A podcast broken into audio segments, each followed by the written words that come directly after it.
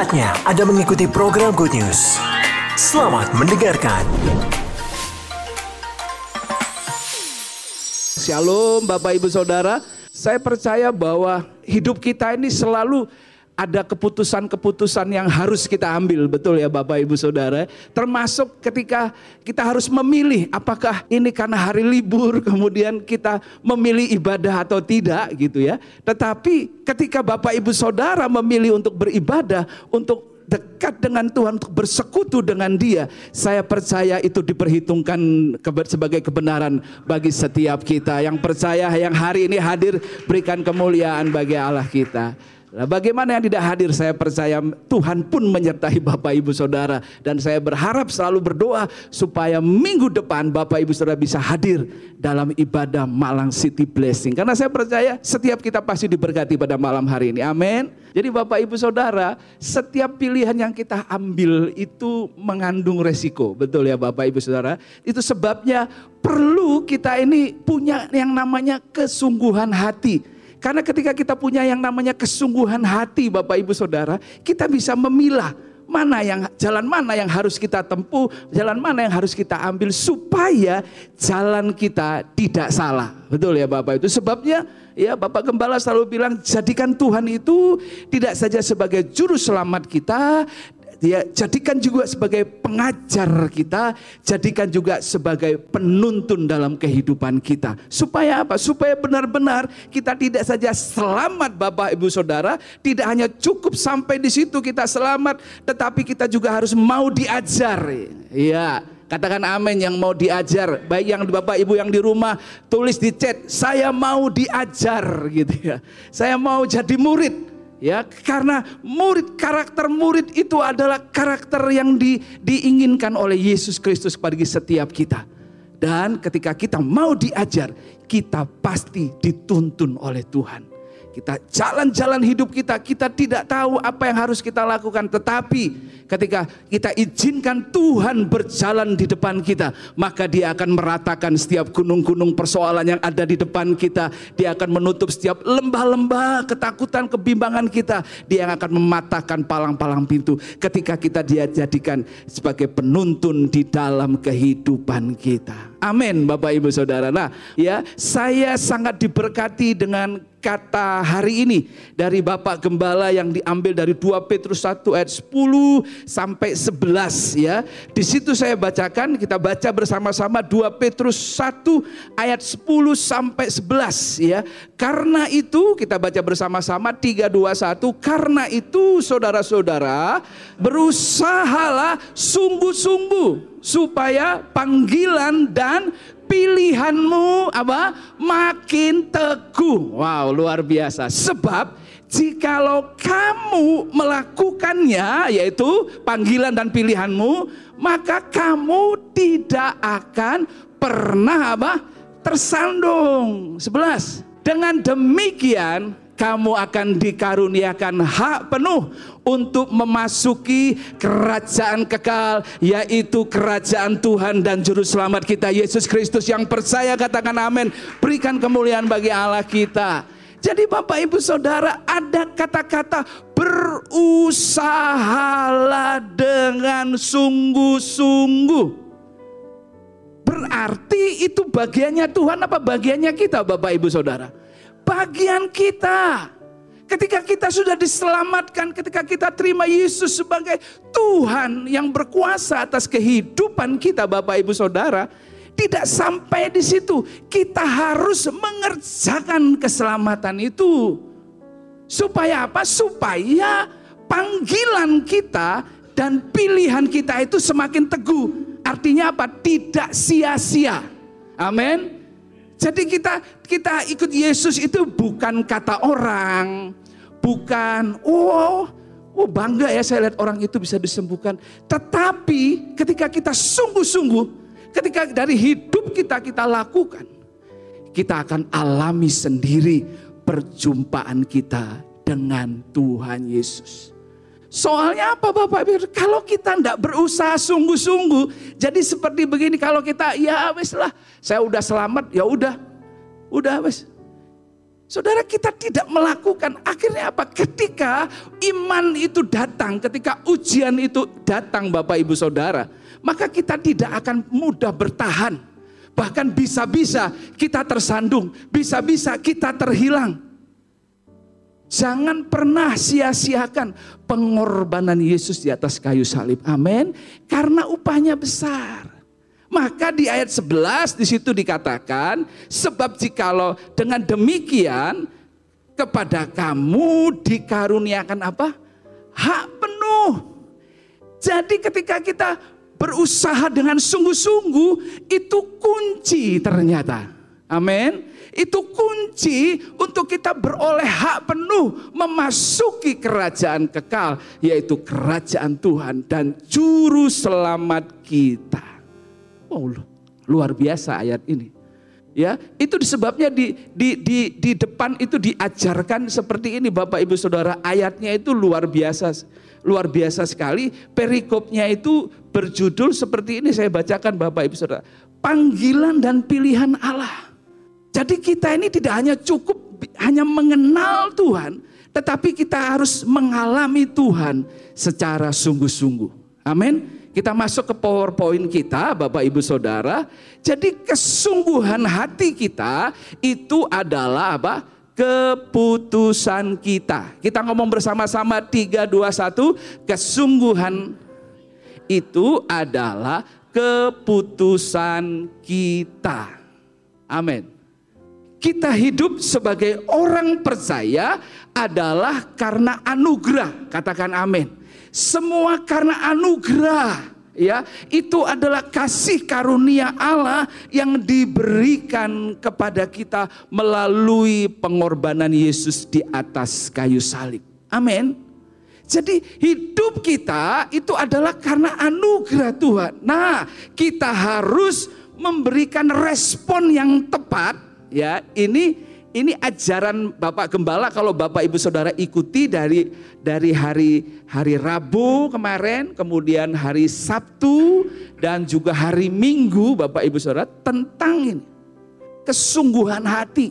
Ya, karena Tuhan itu hanya melihat hati kita. Makanya dikatakan bahwa hidup kita ini terpancar dari hati kita.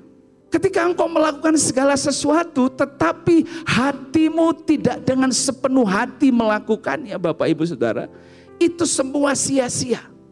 Karena akhirnya apa? Kita capek, kita mengeluh. Tetapi kalau kita lakukan dengan kesungguhan hati, dengan sungguh-sungguh sebagai tanda syukur kita kepada Allah, karena anugerahnya yang besar bagi setiap kita, maka kita akan memberikan respon yang luar biasa. Oh, aku melayani ini bukan karena tugas. Oh, aku melayani ini bukan karena disuruh. Bukan karena hal-hal yang lain. Bukan untuk kepentinganku sendiri. Tetapi itu untuk semua kepentingan Tuhan. Untuk apa? Kemuliaan Tuhan. Nah, kita harus memberi respon atas anugerah itu sebagai apa? Dengan apa? Supaya kita benar-benar dengan keputusan, dengan kesungguhan hati kita jalani kehidupan kita. Amin. Ya. Jadi Bapak Ibu Saudara, itu yang harus kita lakukan, ya. Terus yang selanjutnya agar kita yang sudah memperoleh anugerah keselamatan, kita ini hidup sebagai apa Bapak Ibu Saudara anak-anak terang sebagaimana yang dikehendaki Allah atas kita. Katakan amin. Jadi responnya agar kita ketika kita sudah telah beroleh anugerah keselamatan, kita bukan lagi anak-anak gelap tetapi anak-anak terang. Ya. Kita baca uh, dari bahan MK yang yang kemarin ya, untuk menjadi hidup menjadi anak-anak terang dari Matius 5. Matius 5 ya. Jadi ini maksudnya apa? Maksudnya supaya kita khususnya gereja Tuhan Dia harus kembali kepada tempatnya, kepada fungsinya, kepada perannya agar apa? dapat berfungsi sebagaimana mestinya, ya. Oke, kita baca kamu apa? adalah terang dunia, ya.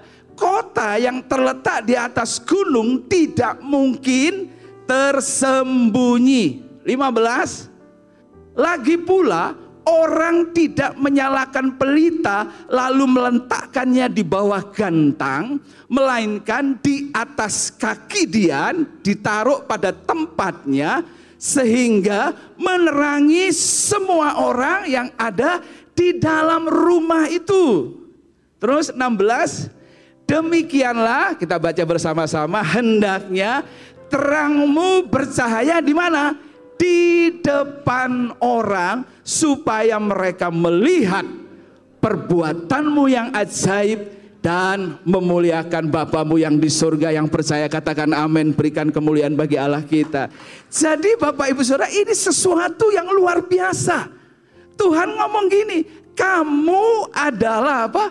Terang dunia. Sebetulnya ini apresiasi Tuhan kepada setiap kita.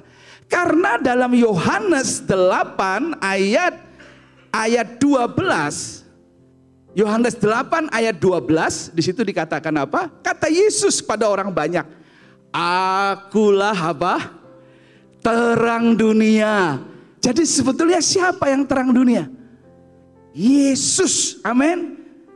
Barang siapa mengikut aku, ia tidak berjalan dalam kegelapan, melainkan ia akan mempunyai terang hidup.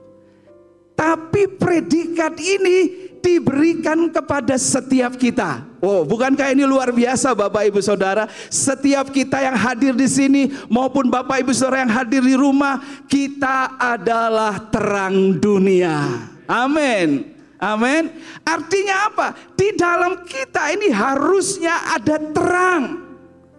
Siapa terang itu? Terang itu Yesus. Karena dia bilang, akulah terang dunia itu. Jadi pertanyaannya sekarang, sudahkah terang itu ada di dalam diri setiap kita Bapak Ibu Saudara? Supaya anugerah yang Tuhan berikan bagi setiap kita tidak akan menjadi sia-sia. Itu sebabnya dikatakan di situ kamu biarlah terangmu itu bercahaya di depan siapa? Di dalam gereja? Enggak Bapak Ibu Saudara kalau semua gini kelihatan semuanya terang. Tapi terang itu harus bercahaya di luar sana. Katakan amin. Di dunia yang gelap ini, kita di mana pun kita berada, kita di marketplace, kita ditempatkan di mana pun, terang itu harus menyala supaya orang bisa melihat perbuatan kita dan mereka memuliakan Allah Bapa Ujung-ujungnya siapa yang dimuliakan? Bukan diri kita, tetapi Allah. Jadi sebabnya katakan pada hari ini aku akan hidup sebagai anak-anak terang. Sebagaimana yang dikehendaki Allah di dalam kehidupanku. Lalu apa yang harus kita lakukan? Ya, jadi seperti ini Bapak Ibu Saudara. Ia, terus next betul.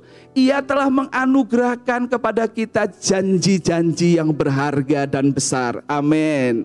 Amin. Kita adalah anak-anaknya. Kita memperoleh apa? Kita adalah ahli waris. Kita memperoleh semua apa yang dijanjikan Allah kepada setiap kita. Artinya kita harus sungguh-sungguh berusaha untuk menambahkan kepada imanmu kebajikan. Jadi begini Bapak Ibu Saudara. Firman Tuhan ini betul iman dari mana Bapak Ibu Saudara? Pendengaran kita akan firman Tuhan. Firman ini tidak cukup hanya pengetahuan saja. Amin. Firman ini tidak hanya cukup itu sebagai sesuatu yang legalitas. Kalau kita tidak baca firman, Tuhan pasti akan menghukum kita. No. Tetapi ini harus jadi gaya hidup kita. Kita harus sungguh-sungguh melakukannya. Amin. Jadi bukan lagi disuruh-suruh Bapak Ibu Saudara.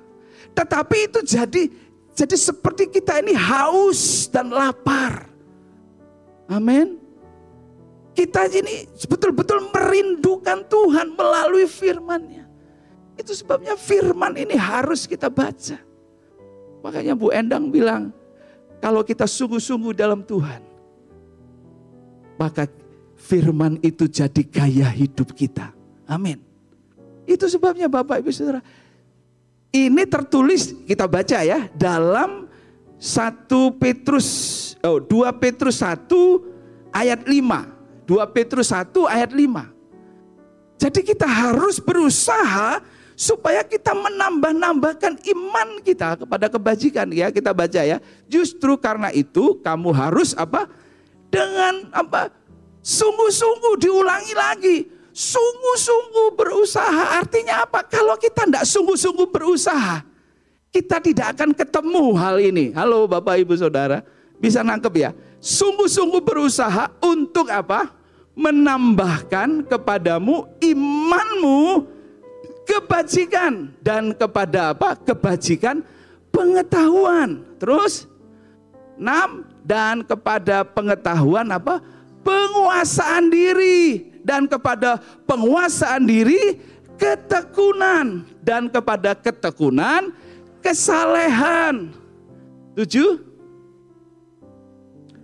Dan kepada kesalehan kasih akan saudara-saudara dan kepada kasih akan saudara-saudara kasih akan semua orang ayat 8 apa dikatakan di situ sebab apabila semuanya itu ada padamu berlimpah-limpah ya maka kamu akan dibuatnya menjadi giat. Nah dan berhasil dalam pengenalanmu akan Yesus Kristus Tuhan kita yang percaya katakan amin. Berikan kemuliaan bagi Allah kita. Nah jadi sekarang kita nangkep ini. Oh ternyata kita ini harus berusaha sungguh-sungguh untuk apa? Mengenal Yesus. Halo Bapak Ibu Saudara, pertanyaannya apakah kita mengenal Yesus dengan sungguh-sungguh hari ini? Atau hanya karena, karena kata orang saja Bapak Ibu Saudara. Kita harus mengenalnya supaya itu jadi tujuan kita, kesungguhan hati kita untuk mengenal dia dengan sungguh-sungguh supaya iman yang kita punyai tadi ujung-ujungnya bukan hanya untuk kita, tetapi di akhir ayat itu dikatakan kasih kita kepada saudara-saudara. Jadi kalau kita bilang aku mengasihi Tuhan, tetapi kita tidak pernah mengasihi atau mengampuni orang yang bersalah dengan kita, maka kasihmu hambar kasihmu tidak ada artinya.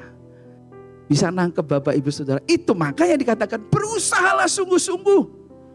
Supaya kita dapat mengerti kehendak Tuhan. Dan apabila semua itu berlimpah-limpah ada dalam diri kita. Kita bisa mengenal Tuhan. Kita bisa alami yang namanya manusia baru itu Bapak Ibu Saudara kita berusaha berubah terus menerus dan saya percaya Bapak Ibu Saudara ketika kita lakukan itu maka kita, apa pun yang kita kerjakan Tuhan pasti buat berhasil. Amin. Nah, lalu contohnya bagaimana supaya kita ini bisa berusaha sungguh-sungguh mengenal Dia dan nanti akan ada buahnya baik buah-buah karakter kita, buah-buah roh kita maupun buah-buah jiwa-jiwa ya orang-orang yang kita selamatkan melalui perbuatan kita, melalui tindakan kita. Nah, kita lihat contohnya Bapak Ibu Saudara supaya kita ngerti. Nah, contohnya saya ambil Nikodemus. Tahu Bapak Ibu Saudara? Nikodemus ya, Nikodemus.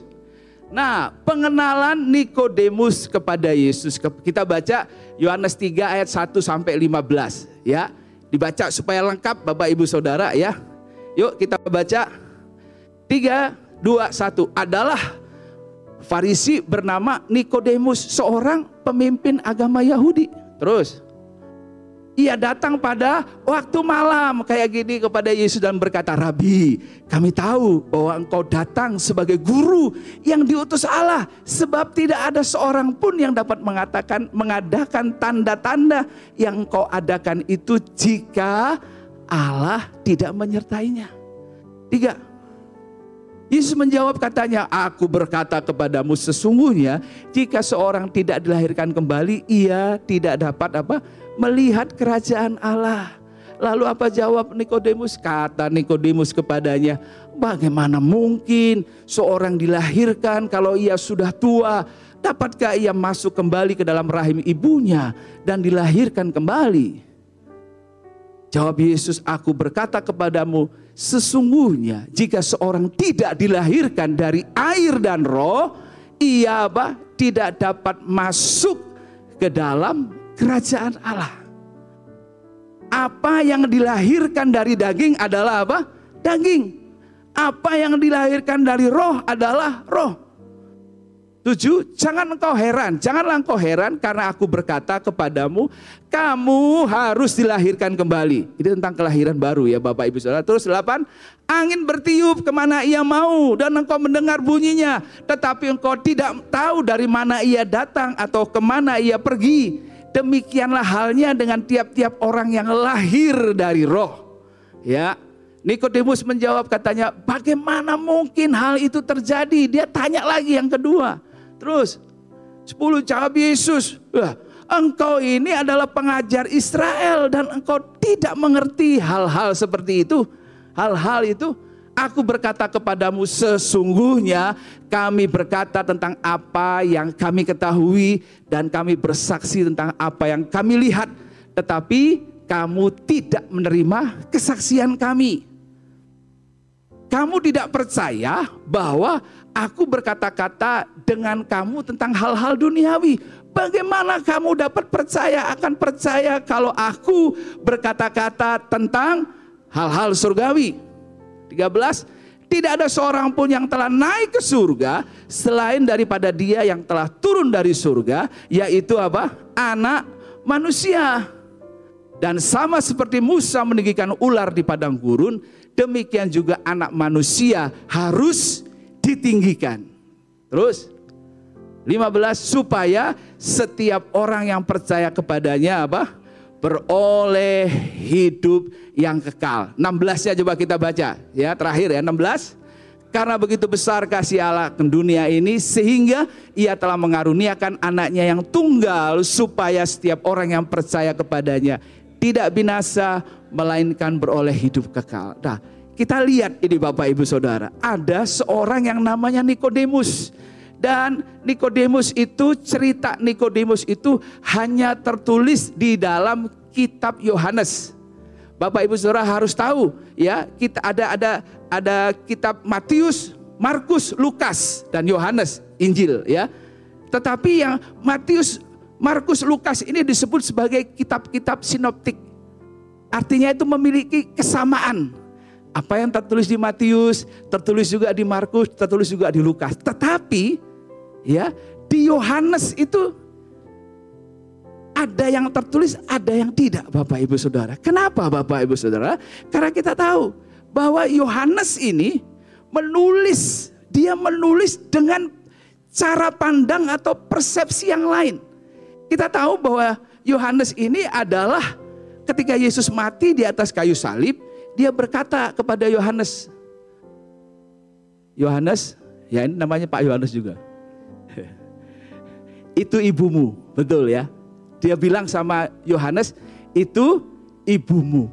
Nah, terus dia bilang lagi, Maria itu anakmu. Sejak saat itu dikatakan apa? Maria tinggal bersama dengan Yohanes.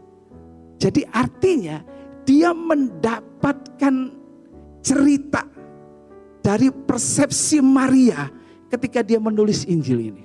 Paham ya Bapak Ibu Saudara? Sehingga kalau kita lihat hanya di Yohanes saja ada ada ayat-ayat tentang awal-awal kreasi. Pada mulanya adalah firman. Firman itu adalah Allah sendiri. Jadi Yohanes kalau kita lihat dia paling detil nulisnya. Betul Bapak Ibu Saudara. Jadi dia lakukan, dia nulis itu. Jadi Maria, isi hatinya Maria itu dia tahu. Jadi paling kecil sehingga kalau kita lihat isi ini itu kan isinya tentang kasih Allah. Allah itu adalah kasih. Bahkan ayat yang terakhir tadi Yohanes 3 ayat 16. Ini ayat yang luar biasa. Yang hanya tertulis dalam kitab Yohanes ini Bapak Ibu Saudara. Jadi itu latar belakangnya Bapak Ibu Saudara, ya, supaya Bapak Ibu, Bapak Ibu Saudara bisa mengerti betapa kalau kita meneliti kita baca Alkitab itu secara komprehensif Bapak Ibu Saudara. Itu itu luar biasa sekali Bapak Ibu Saudara. Amin. Nah, jadi Nikodemus ini dia ini adalah orang Farisi. Dia ini juga pemimpin orang Yahudi. Orang Farisi dalam bahasa Ibrani-nya itu uh, presis gitu ya.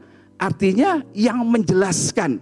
Jadi orang Farisi ini adalah orang yang yang ahli menjelaskan kitab Taurat Bapak Ibu Saudara. Dan mereka ini orang Farisi ini percaya kepada yang namanya kehidupan yang kekal, kepada kebangkitan, kepada malaikat. Mereka percaya bahwa Mesias nanti pada masa yang akan datang dia akan turun untuk menyelamatkan bangsa Israel dari penjajahan bangsa Romawi. Nah, itu orang Farisi. Dan Nikodemus adalah salah satu dari pemimpin orang Yahudi ini. Dan dia itu anggota Sanhedrin. Jumlahnya 69 termasuk si Nikodemus ini. Nah, Nikodemus ini Bapak Ibu Saudara. Dia melihat bahwa Yesus ini hal yang lain, sesuatu yang lain. Jadi dia berusaha dengan sungguh-sungguh lihat Bapak, Bapak Ibu Saudara bisa lihat ya, bisa lihat tahapannya, tahapannya bagaimana Nikodemus mengenal Yesus dengan luar biasa. Jadi dia berusaha. Dia katakan seperti ini, aku tahu. Di ayat yang kedua di situ dikatakan uh, di 5 ayat 2 Bapak Ibu Saudara dikatakan di situ apa? Yohanes 3 ayat 2, sorry, Yohanes 3 ayat 2. Dikatakan di situ, "Rabi, aku tahu, kami tahu bahwa engkau ini datang sebagai guru yang diutus Allah." Dia ngerti, dia tahu. Engkau ini guru yang diutus Allah. Sebab tidak ada seorang pun yang dapat mengadakan tanda-tanda yang kau adakan jika jika Allah tidak menyertainya. Dia ngerti, bahkan dia mengakui perbuatan-perbuatan ajaib yang Tuhan lakukan. Tapi kita lihat Bapak Ibu Saudara, ternyata hanya tahu saja, hanya kagum saja, itu tidak membuat orang itu bisa mengenal Yesus secara utuh. Bisa paham Bapak Ibu Saudara? Sehingga di akhirnya loh, kalau kamu ingin seperti itu kamu harus dilahirkan kembali. Makanya dia bilang, lu gimana Tuhan? Aku ini sudah tua. Gimana aku bisa masuk dalam rahim ibuku? Sampai Yesus kesel bilang, kamu ini pengajar Israel. Tapi kamu tidak ngerti hal-hal seperti ini Bapak Ibu Saudara. Bapak Ibu Saudara, kita tidak hanya bisa tahu saja tentang Yesus tanpa kita alami secara pribadi. Akhirnya apa? Itu hanya ini masuk di logika kita. Betul Bapak Ibu Saudara. Ketika Lazarus yang sudah mati itu, Yesus berkata, waktu Maria berkata, Tuhan jangan, sudah empat hari sudah bau busuk. Tuhan bilang apa? Hari ini engkau akan melihat kemuliaan Tuhan. Tuhan bilang apa? Tuhan suruh mereka. Siapa itu mereka?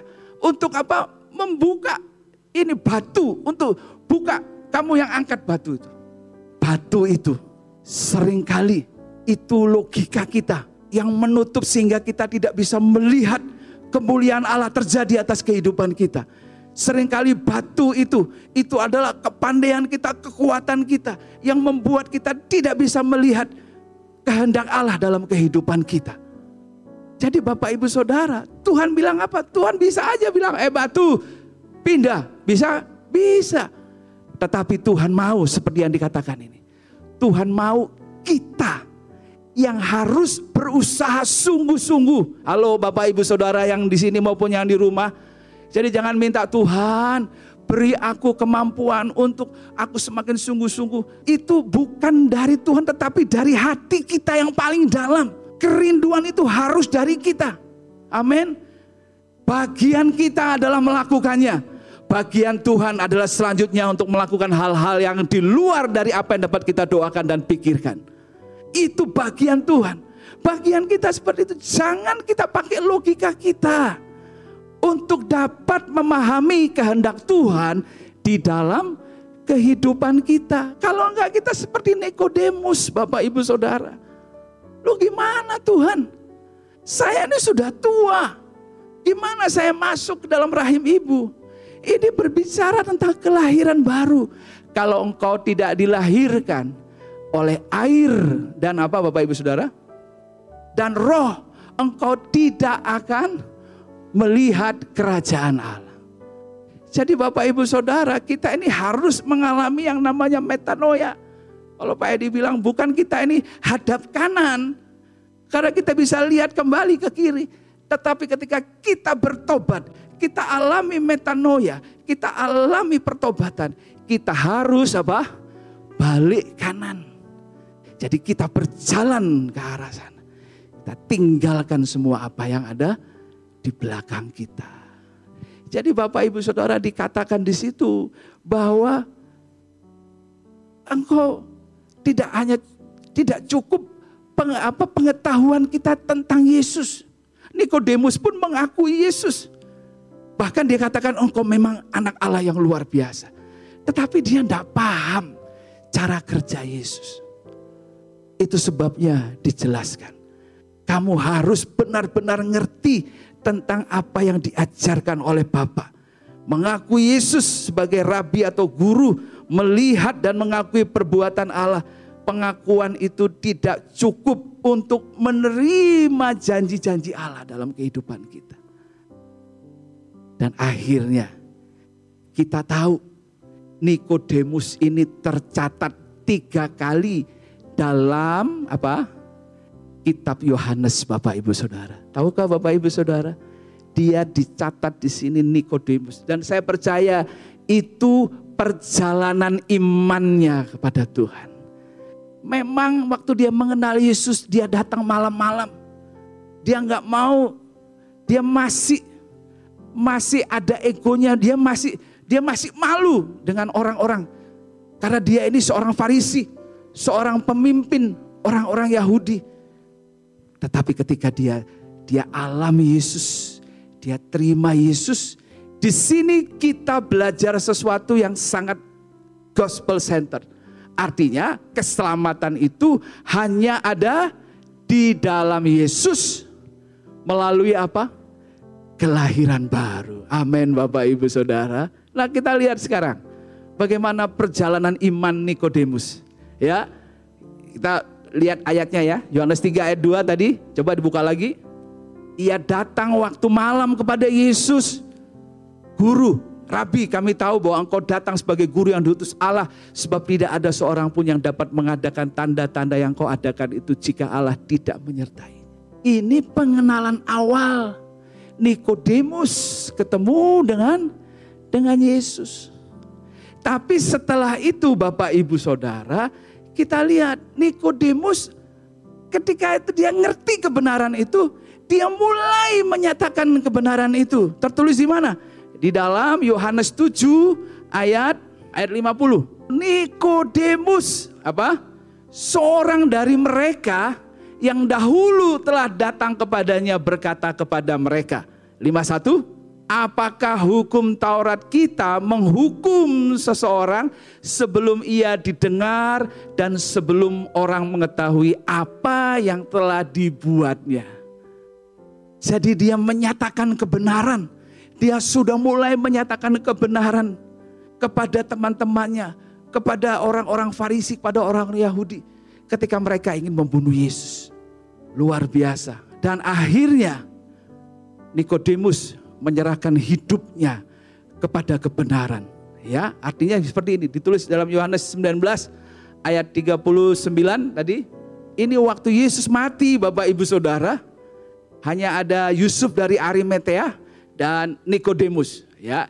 Di situ dikatakan juga Nikodemus datang ke situ. Dialah yang mula-mula datang waktu malam kepada Yesus. Dijelaskan lagi Bapak Ibu Saudara. Ya, perjalanan imannya luar biasa. Ia membawa apa? Campuran minyak mur dengan minyak gaharu. Kira-kira 50 kati beratnya. Mereka mengambil mayat Yesus, mengapaninya dengan kain lenan dan membubuhinya dengan rempah-rempah menurut adat orang Yahudi bila menguburkan mayat.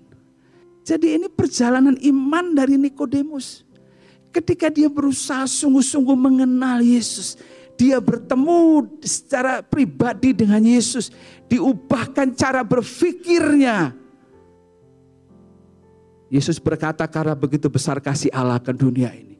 Sehingga barang siapa yang dia mengaruniakan anaknya yang tunggal, barang siapa yang percaya kepadanya tidak akan binasa, melainkan beroleh kehidupan yang kekal. Dan dia menyatakan, berani menyatakan kebenaran itu. Dia mulai membela Yesus. Dan pada akhirnya ketika semua orang meninggalkan Yesus, ketika murid-muridnya meninggalkan Yesus, ketika tidak ada lagi yang ada bersama dengan Yesus waktu itu ketika dia mati. Hanya Yusuf Arimatea yang tercatat dan Nikodemus yang datang. Dia berani datang untuk meminta mayat Yesus. Bapak Ibu Saudara, ketika kita berusaha sungguh-sungguh mengenal Tuhan, apa pun keadaan kita saat ini, maka Tuhan akan bawa kita kepada perjalanan iman. Memang ada banyak hal mungkin yang kita alami. Mungkin ada hal-hal yang mungkin kita akan dibenci orang, mungkin kita tidak diterima oleh keluarga kita. Tetapi ketika kita tetap ada di dalam Tuhan, maka iman itu akan bertumbuh. Amin Bapak Ibu Saudara. Dan akhirnya apa Bapak Ibu Saudara?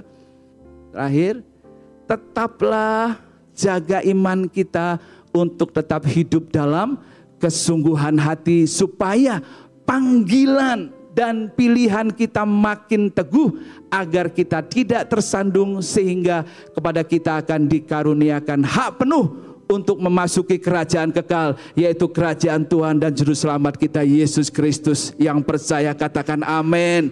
Dimulai dari kesungguhan hati kita Bapak Ibu Saudara. Itu sebabnya hari ini apa pun persoalan Bapak Ibu Saudara tetaplah layani Tuhan. Senangkan hatinya dengan sungguh-sungguh. Tuhan tidak pernah salah memanggil dan memilih kita. Apa pun keadaanmu mungkin orang boleh lihat latar belakang belakangmu, tetapi Tuhan tidak pernah melihat hal itu. Dia mengasihimu apa adanya. Bahkan dia dikatakan ketika ketika Nikodemus datang menghampiri Yesus pada malam hari, Yesus menemui apa pun persoalanmu, temui Yesus. Jangan temui hal-hal yang lain. Jangan temui orang-orang yang ada di sekitarmu. Temui dia. Dia akan menjawab setiap persoalanmu. Dia akan memberikan kelegaan kepadamu pada engkau yang letih lesu, datanglah kepadanya. Maka dia akan memberikan kelegaan bagi setiap kita. Berusahalah dengan sungguh-sungguh Bapak Ibu Saudara. Kejar imanmu, kejar. Terus imanmu kejar dalam terus dalam kebajikan, dalam penguasaan diri. Maka ketika kita sampai pada akhirnya, ketika kita memilikinya berlimpah-limpah dikatakan tadi dalam 2 Petrus 1, maka kita akan kita akan giat. Kita melayani Tuhan dengan sungguh-sungguh. Kita mengenal dia secara pribadi. Bukan kata orang, tapi kita alami dia. Sama seperti Nikodemus. Ketika Yesus mati di atas kayu salib. Ketika semua murid-muridnya meninggalkannya. Kita tidak ada orang yang berani. Mereka takut Nikodemus dan Yusuf dari Arimatea datang memberanikan diri membuktikan imannya kepada Yesus Kristus. Bapak Ibu Saudara, berusahalah sungguh-sungguh untuk mengenal Tuhan. Tuhan tidak akan pernah mengecewakan setiap kita.